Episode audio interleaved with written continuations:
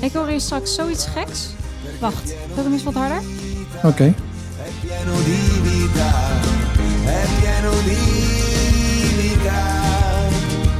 Ja, nou, ik hoor die zanger hier echt vragen: heb jij nog die wiet daar? Hè? Nou, even terugspoelen.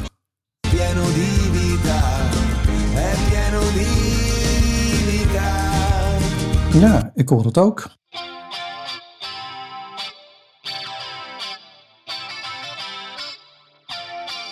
Dit is Drang naar Samenhang, een podcast over de psychologie van het begrijpen. Mijn naam is Rol Svaan, auteur van het boek Drang naar Samenhang en hoogleraar cognitieve psychologie aan de Erasmus Universiteit Rotterdam. En ik ben Anita Eerland, psycholoog en universitair docent taal en communicatie aan de Radboud Universiteit in Nijmegen. In deze podcast gaan wij in gesprek over thema's uit het boek. Je hoeft het boek niet te lezen om ons te kunnen volgen, maar het is wel zo leuk natuurlijk. In deze aflevering gaan we het hebben over onze neiging om patronen waar te nemen. Waarom horen we soms vreemde teksten in liedjes? Hoe komt het dat we objecten denken te zien die er niet zijn? En moeten we ons daar zorgen om maken? Ja, we zijn deze aflevering begonnen met een muziekfragment van de Italiaanse zanger Lorenzo Giovanotti. En hoewel dit een Italiaans nummer is, kun je de zanger hier dus ook de Nederlandse vraag horen stellen: heb jij nog die wiet daar? En dat is een fenomeen waar we het vandaag over gaan hebben, onder andere. Uh, en in het Nederlands wordt dat mama appelsap genoemd. Um, en nou ja, ik zei al, dat is een fenomeen. In dit geval gaat het erom dat uh, onze hersenen woorden aanvullen die we niet goed hebben verstaan. Mhm. Um, en het is een beetje een gekke naam. Ik kan me voorstellen dat je denkt, ja, wat heeft dit überhaupt met muziek te maken? Maar uh, de term mama appelsap komt van een specifiek voorbeeld daarvan. Mhm. In een nummer van Michael Jackson, uh, Wanna Be Starting Something, wordt op een gegeven moment uh, gezongen Mama C, Mama Sa, Mama Kosa. En in dat laatste stukje horen mensen dus vaak mama appelsap. Um, en ja, dat komt omdat de woorden die daar echt worden gezongen, als dat al woorden zijn, daar kan je ook nog over discussiëren, um, die zijn niet bekend bij de luisteraar. Wij weten niet precies wat daar gezongen wordt, maar we krijgen wel klanken binnen. En ons brein probeert daar toch iets uh, begrijpelijks van te maken voor ons. Dus in dit geval ja, leidt dat tot uh, het horen van mama appelsap. Ja, ik had mijn uh, eerste mama appelsapje toen ik denk ik uh, zes of zeven was. Uh, op een schoolplein in Kralingen, Rotterdam. Ik weet het vrij goed, want op mijn achtste verhuisden we naar Soest. Dus het moet voor die tijd geweest zijn. En mijn klasgenoten hadden het over een tv-serie Haasje Parel. En ik had die nog niet gezien. dus ik ging bij mijn ouders zeuren. Ik wil Haasje Parel zien. Maar dat mocht dan eerst niet. En ik bleef maar zeuren natuurlijk, tot ik het mocht zien. En toen ik het mocht zien, viel het me wel tegen. Want ik had dus uh, ja, een tekenfilm over een konijn verwacht. Hè? Haasje Parel. Ja, van Haas, klinkt maar, het wel. Ja. ja. Maar het was dus een western. En Oh. uh, die western heette eigenlijk The High Chaparral. Maar ja, wist ik veel. Uh, dus eerst viel, viel, het tegen, maar later vond ik het toch wel leuk om die western te zien. En ja, ik liet eerst natuurlijk niet aan mijn klasgenoten weten dat ik dacht dat het ging over een konijn. Maar De kans is groot dat zij dat zelf Ja. misschien ook wel ja, dat klopt. want- Het kan best zijn dat zij het zo uitspraken, omdat zij ook dachten dat het uh, daarover ging. Ja, maar dat, goed. Dat is ook wel logisch, want je bent dan nog zo klein en je hebt geen kennis van de Engelse taal. Nee. Eh, de taal waarin, eh, waar die woorden vandaan komen. Ehm, en je ziet eh, dus zo'n mama appelsap, eh, zie je ook vaker als mensen ehm, tekst verwerken die niet in hun moedertaal is, eh, eh, die niet, ja, niet in hun moedertaal is uitgesproken in dit geval dan. Ja, want ik, ik weet nog dat ik, uh, nou ja, in die tijd dan liep ik naar school, naar de lagere school. En uh, dan zong ik een heel nummer van The Middle of the Road, Chirpy Chirpy Chip. Ik weet niet precies hoe het nummer heet. Maar ik ken natuurlijk helemaal geen Engels, dus ik verzon gewoon woorden. En uh, dat was ik dan. en dat dan keihard meezingt Ja. over straat. ja, over straat. Ja. Maar ik denk dat iedereen wel die ervaring heeft. Je luistert dan liedjes op de radio en je kent de woorden niet, maar je brein gaat daar Ja. iets van maken. En, en dat is dan ook de tekst die voor altijd in je hoofd zit en die je associeert met dat nummer. Mm-hmm. En nu hebben wij het over mama appelsap, maar uh, er is ook een wat meer officiële uh, benaming hiervoor, want mama appelsap kennen we alleen in Nederland. Um, en dit psychoakoestische fenomeen wordt een mondegreen genoemd. Mm-hmm. Um, En ehm, die, ja, die term zelf is eigenlijk ook weer een, uh, een mama appelsap. Dat is wel, uh, vind ik wel grappig daaraan. Ja. Uh, het komt oorspronkelijk uit van een, een zin uit een gedicht van de schot Thomas Percy. hij heeft op een gegeven moment een stukje en daar staat... Lady him on the green. En toen was er een Amerikaanse schrijfster die dat gedicht hoorde dan, neem ik aan. Want als je het mhm. leest, dan zie je de, de woorden. Uh, en uh, zij verstond Lady Mondegreen. En daar komt de Mondegreen vandaan. Leuk, leuk. Ja, en eigenlijk uh, de officiële benaming hiervoor is auditieve pareidolie. en pareidolie is eigenlijk in het visuele domein, het, het want er zit het woord idool in, beeld. En het is de neiging om een specifiek, vaak betekenisvol beeld te zien in een willekeurig of ambigu patroon. En daar hebben we het dus over visuele patronen. Ja. Maar in de, bij de mama appelsap gaat het dus om de auditieve versie daarvan. Uh, patronen die je hoort wanneer je, of die je hoort, zeg maar. En uh, het, nou ja, het is dus eigenlijk bekender met betrekking tot visuele informatie. Ja, de mensen die gezichten zien in hun toast of zo. Mm -hmm. Dat is wel een bekend voorbeeld volgens mij van visuele pareidolie. Um, en er zijn nog een paar andere voorbeelden. Bijvoorbeeld uh, de Rorschach-test. Mm -hmm. um, dat is nou ja, de, die test met al die inktvlekken. Um, tien plaatjes met symmetrische figuren die eigenlijk niks voorstellen. maar die je kunt gebruiken om pareidolie te onderzoeken. Ja. Dus je kunt mensen die, die plaatjes geven en dan vragen wat ze daarin zien. En dan, nou ja, sommige mensen zien heel snel allerlei objecten daarin en andere mensen niet. Um, het is trouwens wel grappig, want het is een test die um, nou ja, in de klinische praktijk uh, veel gebruikt is mm -hmm. uh, om allerlei um, uh, ja, allerlei psychopathologie te onderzoeken of mm -hmm. vast te stellen. Dus het wordt gebruikt om iets te kunnen zeggen over de persoonlijkheid. Het is ooit gebruikt om schizofrenie te onderzoeken. Maar nu wordt het eigenlijk vooral gebruikt als een projectieve test. Dus um, nou ja, er wordt mensen vertellen wat ze daarin zien. En mhm. daar kun je aanknopingspunten uithalen voor verdere gesprekken, bijvoorbeeld met iemand. Mhm. Er zijn ontzettend veel problemen met uh, de validiteit en de betrouwbaarheid van die test als je die echt als diagnostisch instrument zou gaan gebruiken. En um, toen ik nadacht over de Rorschach-test, toen herinnerde ik me ook een andere test die ik uh, zelf ook uh, in de praktijk toch best wel vaak heb gebruikt. Uh, en die daar een beetje op lijkt, is ook een projectieve test. De Thematic Apperception Task, of de TAT, zoals wij die noemden. En dat is een, een set illustraties, scènes eigenlijk, in zwart-wit. Ik heb er laatst nog even naar gekeken. Het ziet er eigenlijk best wel oud uit ook. Mm -hmm. um, nou ja, er zijn allemaal ambiguë scènes op. En uh, dan moeten mensen beschrijven wat ze op die plaatjes zien. En ook die test wordt gebruikt om uh, ja, bepaalde thema's die veel voorkomen, uh, om die eruit te halen en om daar dan later op door te vragen. Dus dat is ook weer iets wat niet wordt gebruikt als mhm. diagnostisch instrument. Maar er zijn best wel wat voorbeelden van um, tests die inspelen op het waarnemen van patronen. Mm um, die dan in de klinische praktijk gebruikt worden. Dus niet als diagnostisch instrument, maar wel om een beetje uh, inzicht te krijgen in, in ja, wat mensen zien en hoe mensen um, visuele informatie interpreteren. En, en waarschijnlijk welke concepten snel geactiveerd worden en dat zegt dan misschien iets over waar ze mee bezig zijn. Eh, Precies. cognitief, ja. ja. Ja, maar je trekt dus op basis daarvan geen nee. diagnostische conclusies, maar nee. het kan je aanknopingspunten geven uh, voor verder onderzoek. Ja, nou, ik wil je nou vertellen over een heel uh, coole studie. Um, die heb ik altijd heel leuk gevonden. Hij is uit 2003 van Frédéric Gosselin, een Canadese onderzoeker, en Philippe Schins, die volgens mij Belg is, maar al heel lang in Schotland zit. En um, de titel van het artikel is Superstitious Perceptions Reveal Properties of Internal Representations. En um, het is een, uh, ik vond het altijd zo'n leuke studie en uh, ik wilde er ooit iets mee doen. En ik heb mijn uh, promovendi die eh, studie laten lezen jaren geleden. Maar eh, op de een of andere manier zagen ze geen aanknopingspunten. Dus Ze zagen er niks in. ze zagen er niks in. Dus het enige wat ik er nu mee doe is dat ik erover vertel in deze podcast.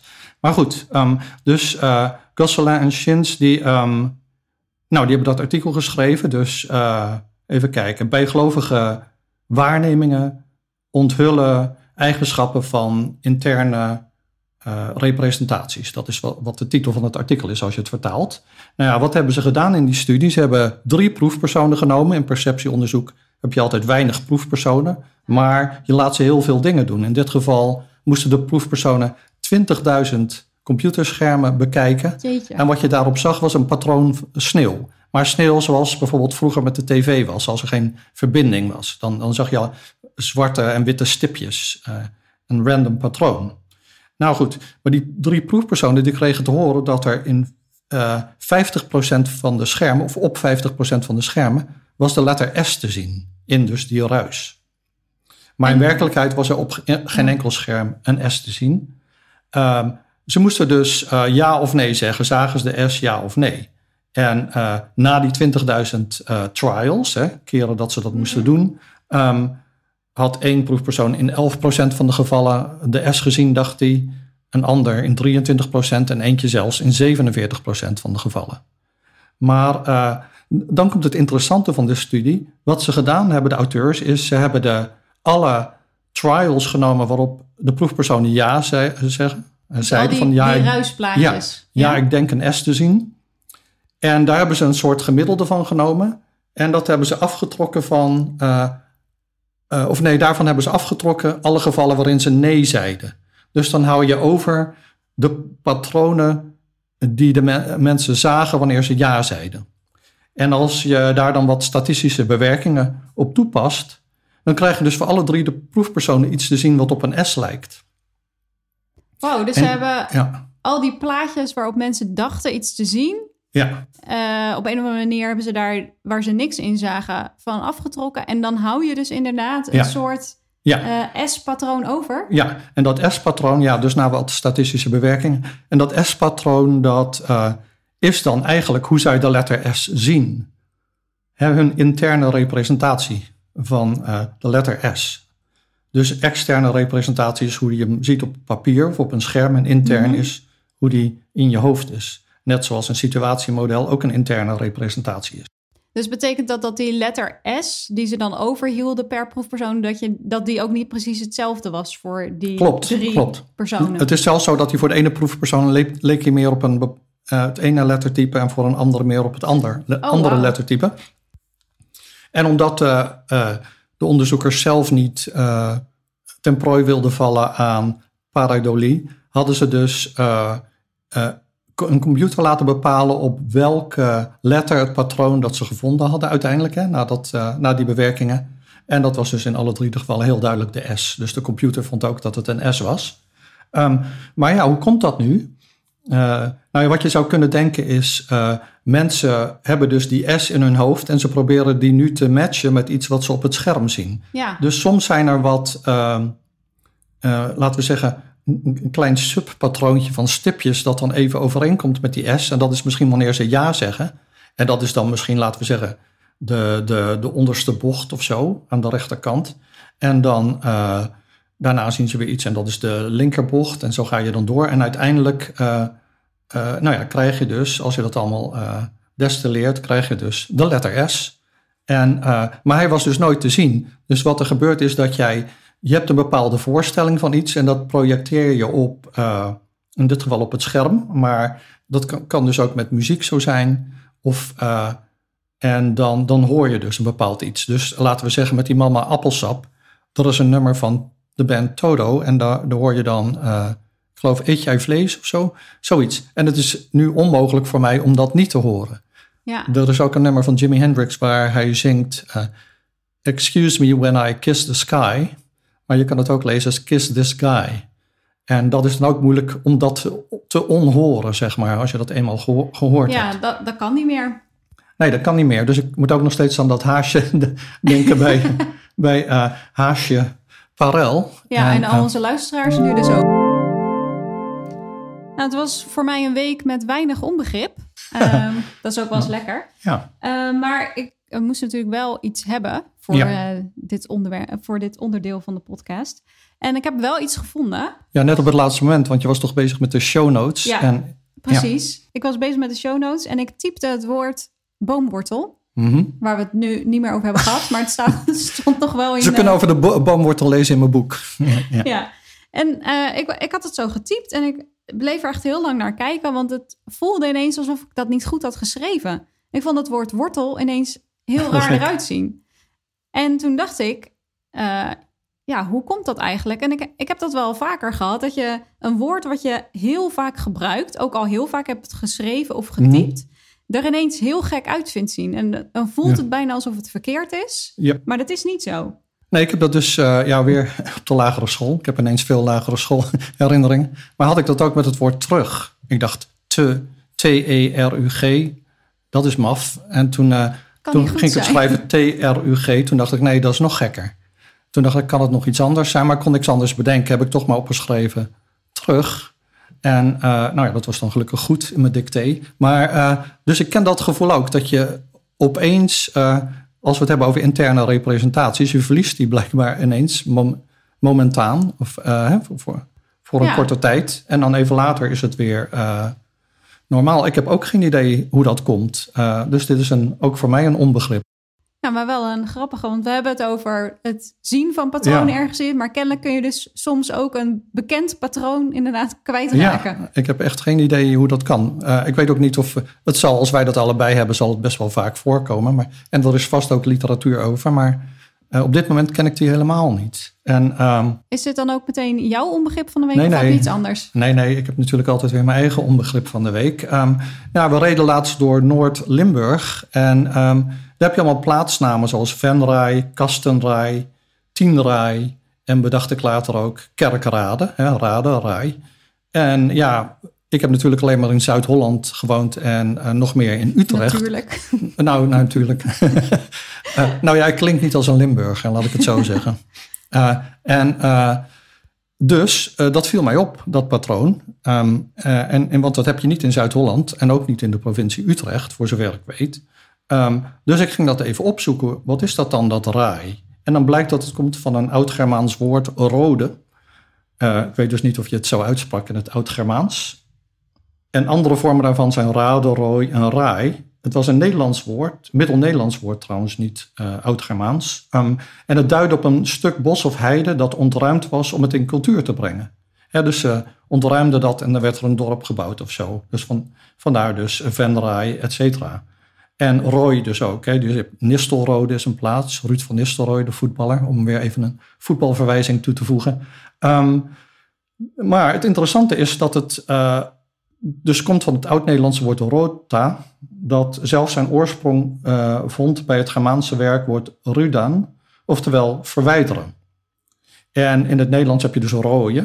In het Duits ausrotten. En in het Engels to rid. Hè, dus... eh, dus eigenlijk is het grappig dat Venray verbonden is met het eh, Engelse woord rid. Ja, To get rid of something. Nou ja, ehm, dat is dus mijn onbegrip van de week. Maar inmiddels eh, heb ik dus zelf inmiddels niet meer. onderzoek gedaan. En dat deed me wel denken dat toponomie, hè, dat is het vakgebied van eh, hoe, hoe plaatsen genoemd zijn, dat dat super interessant is. En Het is wel interessant om het nog even te hebben over eh, de dunne scheidslijn tussen wat wij zien als normaal gedrag en wanneer we het hebben over abnormaal gedrag.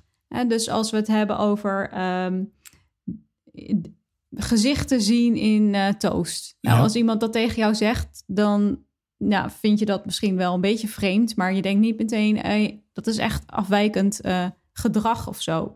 Uh. Of als iemand een, een object ziet in de lucht. Hè, dat zijn uh, voorbeelden mhm. die wij best acceptabel en normaal vinden. En um, ja, dat soort um, ja, verschijnselen of zo uh, heeft iedereen wel een keer. Ja, dat klopt. En de vraag is, um, wanneer wordt die, die, het interpreteren of het zien van dingen die er niet zijn, Mhm. wanneer gaan we dat zien als iets abnormaals? En wanneer, en dan kom je eigenlijk ook bij de vraag, ja, wat is dan eigenlijk het verschil tussen eh, pareidolie en, en hallucinaties? Waar, Mhm. waar ligt die, die Ja. scheidslijn? Ehm, want als we denken, als we het hebben over hallucinaties, dan dat is wel dingen zien of horen die er niet zijn. Ja. Ehm, en dan denken we meteen aan psychopathologie. Mhm. Terwijl we net ook hebben gezegd, iedereen ziet wel eens dingen die er niet zijn, of ziet wel eens patronen waar ze niet zijn of objecten. Ja, ik heb, ik heb daar in het boek beschrijf ik hoe ik dat zelf had. Ik zal dat verhaal niet nu herhalen, maar het staat in het hoofdstuk De boom, wortel en de slang. Komt toch Dat- de boomwortel weer? ja, dat ik lange tijd eh, eh, boomwortels voor slangen aanzag, omdat ik eh, vroeger veel hard liep in een gebied waar slangen lagen. Ehm, dus daar zou je kunnen zeggen, is het adaptief. Hè? Je ziet een bepaald patroon en voordat je het eh, geclassificeerd hebt als boomwortel, ben je alvast opgesprongen om niet gebeten te worden door de slang. Hey, als je hard loopt, spring je daar dan overheen. Ehm, en dat deed ik later dus ook in het eh Kralingse Bos, toen ik terug was in Rotterdam. En eh, mensen stonden misschien wel raar te kijken. En na een tijdje verdween dat ook weer, toen ik het idee weer postgevat had dat er geen ratelslangen za- zaten in het Kralingse Bos of hier in het bos in Zeist, had ik dat niet meer. Maar in dat geval is eh, het snel wa- waarnemen van een patroon op basis van weinig informatie nuttig. Maar Ja, dus is zeker. altijd een soort eh, balans tussen eh, valse alarms, hè, waar je dus te vaak opspringt waar er geen slang is, en dat je de informatie mist. Dus dat ik bijvoorbeeld, bijvoorbeeld denk, oh het is een boomwortel en ik stap op een slang. Dat is veel erger. Dus in dit geval is het dan beter om maar wat vaker op te springen. Maar er is altijd wel die balans tussen, eh, ehm, laten we zeggen, te snel denken dat je iets ziet. Zoals die mensen in dat experiment hadden met de S, hè, want er was Mhm. geen S. En eh, bepaalde patronen te laat waarnemen. Nou, dat is een heel mooi voorbeeld waaruit blijkt dat het eh, evolutionair voordelig is om patronen te zien eh, of, of de objecten te herkennen. Ehm, dat is natuurlijk niet altijd zo. Er is denk ik geen evolutionair voordeel aan gezicht te zien in je geroosterde boterham. Ehm, maar er is nog een, eh, een ander belangrijk eh, verschil tussen eh pareidolie en hallucinaties. En dat heeft te maken met ehm, de visuele input die gebruikt wordt om een patroon te zien. Dus bij pareidolie is het zo dat ehm, wat je ziet, dat dat direct gerelateerd is Mhm. aan de informatie, aan de visuele input. Ehm, terwijl dat bij hallucinaties eigenlijk niet zo is. Dus dan is eh, wat mensen eh, denken te zien niet gerelateerd aan eh, wat ze echt zien. Ja. Dus de visuele omgeving eigenlijk. Dus helemaal geen patroon wat, wat ook maar in de verste verte overeenstemt met wat ze denken te, te zien. Ja, en dat is een heel belangrijk verschil tussen Ja. die twee. En, en dus tussen wat wij als normaal bestempelen en, en wat wij als abnormaal zien. Nu zeg jij dat, eh, dat we allemaal dus wel eens eh, patronen zien in eh, toast of wat dan ook. Ehm, maar ik kan me voorstellen dat zoals met heel veel andere dingen, dat niet iedereen dit in gelijke mate heeft. Nee, dat klopt. Daar is ook wel wat onderzoek naar gedaan, naar individuele verschillen. Dus welke mensen Mhm. zijn eerder geneigd om die patronen te zien. Ehm, en als we dan specifiek kijken naar het herkennen van gezichten in Ja. Toast of in eh, de wolken of waar dan ook in, dan ehm, blijkt uit onderzoek wel dat eh, vrouwen eh, eerder geneigd zijn om, of sneller geneigd zijn om gezichten te zien Hm. ehm, dan mannen. Waarom zou dat zo zijn dan? Ja, er, er worden verschillende verklaringen voor gegeven. Ehm, misschien is het zo dat, eh, nou, dat wordt aangenomen dat vrouwen over het algemeen eh, meer gericht zijn op andere mensen. Dat geldt dan- zeker voor ons twee. Ehm, en ook op eh, emoties. En dan ook emoties van andere mensen die je dus af kunt lezen uit gezichten. Mhm. Ehm, en vrouwen zouden dan meer letten op details. Dus als jij meer let op details, dan zie je misschien ook eerder kleine, Ja. veel, kleurnuances of wat dan ook, waardoor je eerder gezichten zou kunnen zien. Ja, nou dat is ook eh, anekdotisch, maar ik weet eh, als wij in Rotterdam op de metro stonden te wachten, dan had je allemaal tekens op de, op de muren gezien die aangeven ga- gaven van oké, hier, stopt, eh, hier stopt een wagon en dat soort dingen. En ik had dat gewoon helemaal niet gezien. Ik dacht, ik, Ik sta altijd maar te wachten op dat ding. Dat klinkt net alsof ik eh, overal tekens op de nee, het is meer dat ik ze niet zie. Ik bedoel eigenlijk dat jij veel meer oog voor detail hebt dan ik. Ja, ja, je kunt inderdaad op die borden, dan eh, zie- staat er eh, wanneer de volgende Ja. metro komt. En dan kun je aan die, die karretjes daarachter zien hoeveel wagons het zijn. Of ik weet niet of dat ook zo heet bij de metro. En ook waar ze stoppen eh, Ja. Ja, bij het perron, zeg maar. Dus rijden ze helemaal door naar voren of stoppen ze aan de achterkant. Dat kun je allemaal zien. Ja, nou, maar dat, is dus wel informatie die er echt is. Die is er echt, maar die zie ik dan weer niet. Nee, maar ik, ja, ik weet niet waarom. Daar, ja, misschien is dat wel eh, letten op detail. En, pro- en, Ja. en ook proberen te begrijpen waarom dat daar staat. Ja, Ehm, Oké, maar dus vrouwen zijn eerder geneigd eh, dan Mhm. mannen om die eh, gezichten te zien. Ehm, en er waren ook nog andere eh, individuele verschillen. Dus bijvoorbeeld eh, mensen die heel creatief zijn, ja, die zou, dat gaat dan niet specifiek over gezichten, maar die zouden ook eerder geneigd zijn om eh, nou ja, patronen te zien.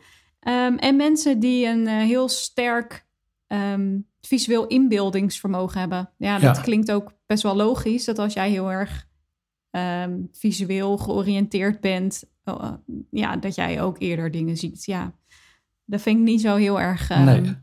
verrassend. Maar goed, dat over eh, eh, individuele verschillen. ja ik, eh, ik had eh, een tijd lang Anders Eriksson als collega en hij eh, deed onderzoek naar expertise. En ik herinner me nog dat hij me iets vertelde over keepers bij het voetbal. Dat eh, uit onderzoek bleek eh, dat keepers helemaal, eh, de betere keepers hadden niet sneller reactievermogen dan eh, minder goede keepers. Eh, ze waren sneller omdat ze sneller patronen konden herkennen. Dus daarom zie je misschien dat keepers vaak op eh, hun top zijn als ze al wat ouder zijn, boven de 30. Want dan hebben ze inmiddels genoeg ervaring om eh, patronen te zien. Dus dan zien ze aan de bewegingen van een aanvaller bijvoorbeeld eh, al welke kant de bal op gaat. Ja, ja, niet natuurlijk perfect, maar wel met meer een grotere kans van slagen, zeg maar, dan een minder goede keeper. Eh, maar dat is dus patroonherkenning. Dus patroonherkenning is zeker niet onnuttig, maar eh, het is wel zo dat, eh, nou ja, dat er dus gevallen zijn, zoals jij die beschreef, waar het contraproductief kan zijn, zo gezegd. Nu hadden we het in het begin over pareidolie. En dat is eigenlijk een speciaal geval van iets wat apofenie genoemd wordt. En dat is de neiging om een verband of een betekenisvol patroon te zien tussen ongerelateerde en willekeurige dingen, zoals voorwerpen en ideeën. En dus eh, wat het algemener maakt dan eh pareidolie is dat eh, eh, apofonie ook betrekking heeft op ideeën. Niet alleen op dingen die je kunt zien of horen, maar ook op eh, conceptuele eh, eh, eh, verbanden. En een mooi voorbeeld daarvan is eh, een kort verhaal van Vladimir Nabokov, eh, wat eh, in de New Yorker stond, jaren en jaren geleden. En het is gratis beschikbaar, dus we zullen de link opnemen in de show notes. En het verhaal heet Symbols and Signs. Het is een heel mooi geschreven verhaal, heel beeldend. En het gaat over een jongen of een jonge man die leidt aan bepaalde waanvoorstellingen. In het verhaal wordt zijn conditie referential mania genoemd, betrekkingswaan. En eh, waar het op neerkomt is dat hij denkt dat alles wat er in de wereld gebeurt betrekking heeft op hemzelf. Alles verwijst naar hem. En ik zal er nu een stukje uit voorlezen in het Engels, want eh, dat is de, versie die, de enige versie die ik heb hier. Phenomenal nature shadows him wherever he goes. Clouds in the staring sky transmit to each other, by means of slow signs, incredibly detailed information regarding him. His inmost thoughts are discussed at nightfall, in manual alphabet, by darkly gesticulating trees. Pebbles or stains or sunflecks forms patterns representing, in some awful way, messages that he must intercept. Everything is a cipher, and of everything he is the theme. Dus wat je ziet in dit fragment is dat, eh, nou ja, dat hij het gevoel heeft dat hij door de natuur achtervolgd wordt. En eh, de, de wolken in de lucht die eh, zenden signalen naar elkaar. De, de lucht die staart naar hem.